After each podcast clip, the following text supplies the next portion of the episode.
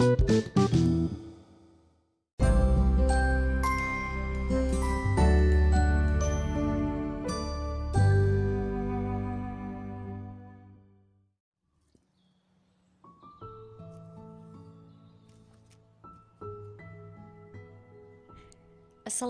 warahmatullahi wabarakatuh. Selamat datang kembali di channel Harapalin Podcast Edisi Challenge Cerita Kemerdekaan Lomba Podcast Kominfo bersama Kementerian Komunikasi dan Informatika Republik Indonesia. Apa kabar sahabat mendengar di mana pun Anda berada? Senang sekali rasanya Harapalin bisa kembali hadir ke tengah ruang dengar sahabat semuanya. Dan saya mendoakan semoga sahabat semuanya selalu dalam kondisi terbaik. Meskipun dalam kondisi wabah yang insya Allah kita bisa tabah menjalaninya. Oke, okay, di kesempatan kali ini saya mau cerita nih tentang memaknai kemerdekaan di tengah wabah pandemi COVID-19. Jujur, bagi saya pribadi, ini benar-benar sebuah tantangan yang berat apalagi status saya sebagai seorang karyawan swasta pada sebuah instansi non pemerintah jelas ya swasta non pemerintahan gitu. Yang juga terkena imbasnya. Nah kalau cerita-cerita ke belakang nih gitu ya. Waktu semasa kecil saya adalah seseorang anak kampung yang sering main layang-layangan meskipun saya perempuan tapi saya suka layang-layangan gitu. Nah setiap hari 17 Agustus selalu ada lomba layang-layang jadi semasa itu saya suka ikut acara kegiatan lomba 17 Agustus di mana hadiahnya itu adalah berupa buku, kemudian alat-alat tulis yang lain, bahkan yang lebih menyenangkan itu adalah hadiahnya ada sepeda. Bayangkan, jarak sekolah dengan rumah saya cukup jauh. Jadi hal itu menjadi penyemangat saya untuk bisa menang lomba.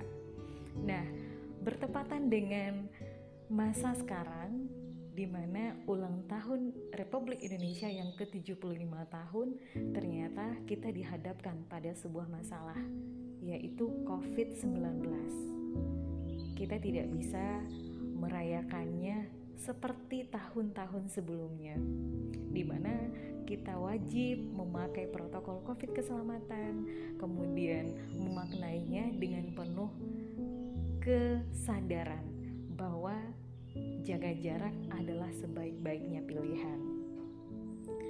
Saya juga terbayang bagaimana serunya ketika masa 17 Agustus kita bersama-sama pergi ke lapangan, kemudian hal-hal yang sebelumnya belum pernah kita lihat gitu.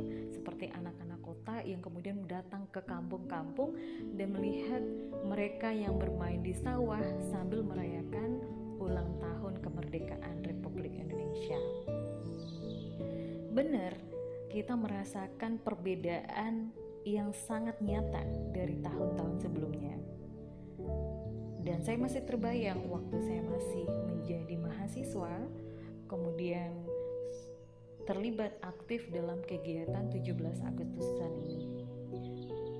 Saya dan teman-teman pergi keliling kampung untuk meminta sumbangan ala kadarnya dalam rangka menyemarakkan hari 17 Agustus. Banyak acara yang kita lewati. Ada panjat pinang, kemudian makan kerupuk, dan masih banyak kegiatan sosial lainnya yang tidak bisa kita lakukan pada tahun ini. Bahkan untuk keluar rumah saja, kalau tidak penting, kita tidak usah pergi. Nah, kemudian dalam hal sekarang seperti WFH, di mana saya juga terkena imbasnya gitu. Dalam satu bulan ada sekitar 15 hari saya di WFH kan. Sisanya kerjanya boleh di kantor atau di tempat lain, asalkan tidak mengganggu protokol keselamatan COVID-19.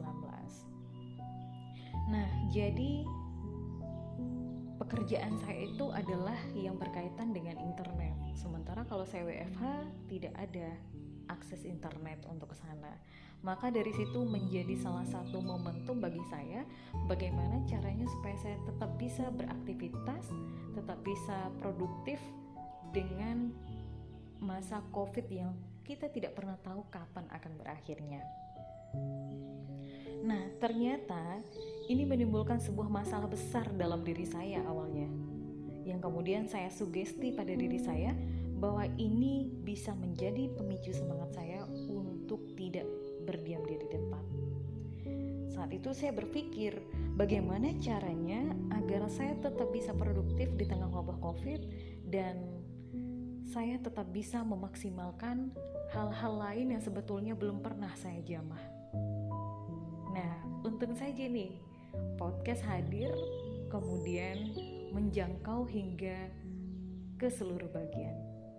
Dalam artian, waktu itu saya pernah scrolling di media bagaimana caranya supaya saya tetap produktif.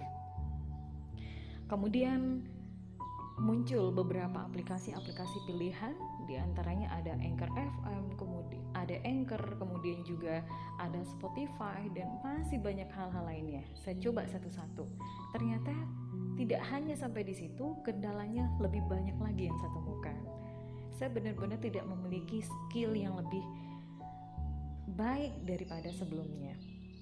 Nah, akhirnya saya melakukan sedikit demi sedikit perubahan terutama ke dalam diri saya pribadi. Dan saya meyakini bahwa ketika saya berhasil untuk melakukan perubahan, maka ini adalah modal awal untuk bisa membagikannya kepada lingkungan. Saya belajar untuk memanfaatkan fasilitas, kemudian dengan memaksimalkan waktu dan menyadari bahwa salah satu yang menjadi kekuatan saya adalah saya harus berkawan dengan hal-hal buruk yang akan terjadi. Seperti saya tidak bisa untuk terus on gitu. Kadang-kadang kalau misalnya saya lebih banyak berbicara, ternyata suara saya hilang. Nah, hal itu ternyata menjadi sebuah momentum saya untuk bisa lebih baik dari sebelumnya saya berinisiatif untuk latihan vokal setiap pagi, kemudian menjadikan momentum ini sebagai momentum untuk mengasah kemampuan saya tersebut, terutama di ranah podcast, seperti sekarang ini. Nah, dengan menghadirkan tema-tema yang renyah dan bisa dinikmati oleh semua kalangan, saya sangat bersyukur. Ternyata dari sekian ratus orang pendengar yang mendengarkan podcast saya memberikan apresiasinya. Semisal pada saat itu saya membuat konten yang bertemakan puasa sosmed, di mana hal ini didorong oleh keresahan saya pribadi tentang kebiasaan anak-anak muda yang suka scroll di media sosial dalam waktu yang lama. Namun hanya sedikit yang dapat menggerakkan serta mengubah mereka ke arah yang lebih baik. Nah, syukur alhamdulillahnya sejak COVID-19 ini yang lebih kurang enam bulan, saya mendapati sesuatu hal yang benar-benar baru dalam diri saya. Di mana saya merasa dipaksa untuk beradaptasi dengan hal-hal baru itu. Dan perlahan keadaan tersebut terasa semakin mencekam dan mau tidak mau saya harus mencoba lebih baik lagi daripada ini. Dan kebiasaan baru mulai-mulai saya pertahankan.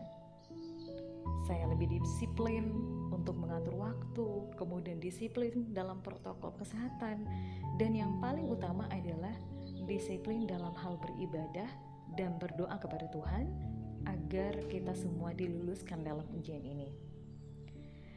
Saya menyadari betul, memang hal ini tidak mudah. Namun, kita bisa sama-sama lihat bahwa ada hal positif yang bisa kita rasakan bersama-sama. Mulai dari dunia yang terasa lebih ramah lingkungan, kemudian secara perlahan kita menerapkan hidup bersih dan secara perlahan juga ini menjadi budaya bangsa kita. Dan tidak hanya itu, soal digitalisasi dan konektivitas yang kita rasakan jauh lebih tinggi daripada sebelumnya. Dan sisi positif lainnya adalah kita lebih banyak waktu bersama keluarga. Kemudian untuk mempelajari serta mendalami hal-hal baru. Dan seterusnya, salah satu yang menjadi hobi saya di masa pandemi ini adalah wadah podcast yang saat ini sedang menghibur para pendengar di mana pun berada. Dengan tidak keluar rumah, dengan tidak nongkrong di, di luar sana, saya bisa lebih produktif menghasilkan podcast 3 sampai 4 episode dalam satu pekannya. Tentu saja ini dibarengi dengan membaca buku, kemudian membaca literatur-literatur lainnya yang nantinya saya share dalam bentuk audio. Nah, jadi ternyata ini menimbulkan sesuatu kepuasan tersendiri tatkala hasilnya bisa dibagi ke orang-orang lain. Bahkan di antara kontak-kontak telepon yang sudah menyimpan nomor saya, kemudian ketika saya membagikan link itu, mereka juga berminat untuk melakukan hal yang sama. Bagaimana caranya supaya mereka juga lebih produktif dengan berbagi kebaikan-kebaikan meskipun hanya lewat suara. Nah, jadi kalau di kantor tempat saya bekerja, karena kita bergerak di bidang sosial, maka kami juga menciptakan sebuah terobosan baru di masa pandemi COVID. Dan salah satu di antaranya adalah kita berupaya bersama-sama bagaimana tetap bisa berkarya, berbuat lebih banyak, terutama untuk kaum-kaum duafa. Meskipun di antara kita masih banyak yang belum mematuhi protokol COVID-19, tapi setidaknya dengan bantuan yang uh, kami coba terapkan dan teman-teman juga melakukannya, kita bisa dengan cepat menyebarkan masker gratis baik kepada pengguna jalan yang melewati area kantor, kemudian juga memberikan sembako kepada saudara-saudara kita yang duafa dan kita percaya bahwa setidaknya ini bisa membantu sesama kita dan saya percaya juga bahwa kewajiban kita sebagai sama manusia sedang dipertanyakan. Jadi, untuk teman-teman, jangan lupa selalu utamakan protokol kesehatan dan harus tetap disiplin agar kita bisa bersama-sama mencegah wabah COVID-19 ini. Dan tidak hanya itu, kita bisa melakukan sedikit demi sedikit perubahan, terutama kepada diri kita sendiri, kemudian kepada keluarga, bahkan kepada orang-orang di sekitar kita, agar tetap menjaga kesehatan, menjaga jarak, dan juga menjaga emosional. Jangan sampai gara-gara kita berjauhan, kita saling beranteman. Padahal dengan hadirnya protokol COVID dapat menyadarkan kita bahwa Sesungguhnya Tuhan sedang melihat sampai di mana kesungguhan kita, sampai di mana kita bisa menjaga segala sesuatu untuk kemaslahatan kita bersama. Baik, terima kasih untuk sahabat yang telah mendengarkan podcast pada kesempatan kali ini. Semoga kita dapat menjadikan momentum di hari yang ke-75 tahun kemerdekaan Republik Indonesia ini sebagai ajang dalam memetik pelajaran dan juga semangat berbagi demi mewujudkan tercapainya cita-cita kemerdekaan Indonesia yang adil dan sejahtera. Saya Harafalin, tuan rumah Harafalin Podcast, mengucapkan terima kasih. Wassalamualaikum warahmatullahi wabarakatuh.